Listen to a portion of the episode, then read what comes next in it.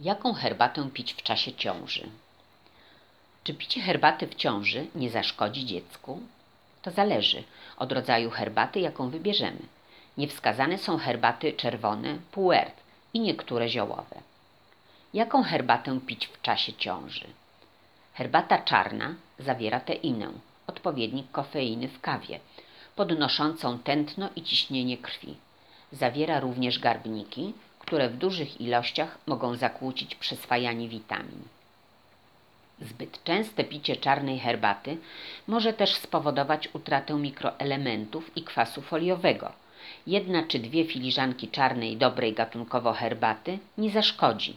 Najlepiej jednak skonsultować się z lekarzem. Dobrze jest też pić herbatę między posiłkami, godzinę przed lub po, żeby uniknąć wypłukiwania przez nią ważnych dla organizmu składników pożywienia.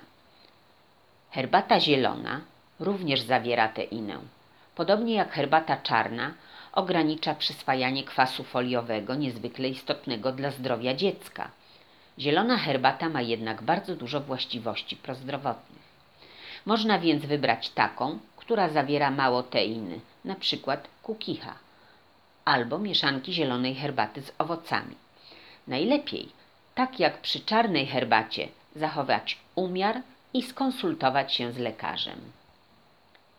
Herbata rooibos, szczególnie polecana. Jest to napar z liści czerwonokrzewu, rośliny niespokrewnionej z krzewem herbacianym. Herbata rooibos nie zawiera teiny ani garbników. Charakteryzuje się lekko miodowym smakiem i doskonale nadaje się do picia przez przyszłe mamy. Ma właściwości uspokajające i zapobiegające mdłościom oraz, co jest bardzo ważne, zawiera żelazo. Można ją pić w dużych ilościach, właściwie bez ograniczeń. A dzięki jej właściwościom uspokajającym można ją pić nawet wieczorem. Herbaty ziołowe to mieszanka ziół o różnych właściwościach. Bardzo dobrze działa herbata mająca w składzie pokrzywę, która obniża ciśnienie, jest moczopędna oraz zawiera żelazo i wapń. Herbata z imbirem łagodzi nudności, tak częste w ciąży. Oba te składniki zawiera na przykład yoga tea. Polecana jest też melisa, znana ze swoich właściwości uspokajających, co ułatwia zasypianie. Polecamy też herbatę lawendową.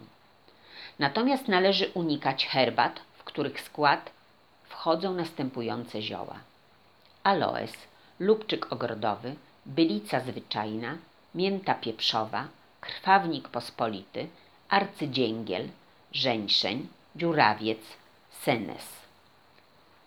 Chcę tu jeszcze wspomnieć o liściach maliny. Liście, nie owoce, od setek lat zalecane były kobietom w ciąży. Zawierają cenne składniki: witaminy, kwas foliowy, magnez, potas, żelazo i ułatwiają poród. Napar z liści malin tonizuje i wzmacnia macicę oraz mięśnie miednicy. Zwiększa też zdolność macicy do skurczów i dlatego opinie o piciu tego naparu od początku ciąży są sprzeczne. W jednym się zgadzają. W ostatnich trzech, czterech tygodniach można pić kilka filiżanek tego naparu.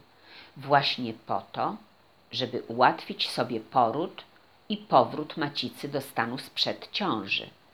Myślę, że nasza ziołowa herbata relaksacyjna może być pita już w pierwszym trymestrze, bo zawiera w sumie niewiele liści malin. Tak dla smaku, które z pozostałymi składnikami dają kompozycję sprzyjającą relaksowi. Herbaty owocowe, czyli kompozycje różnych suszonych owoców i przypraw, mogą być zarówno smacznymi napojami, jak i deserem.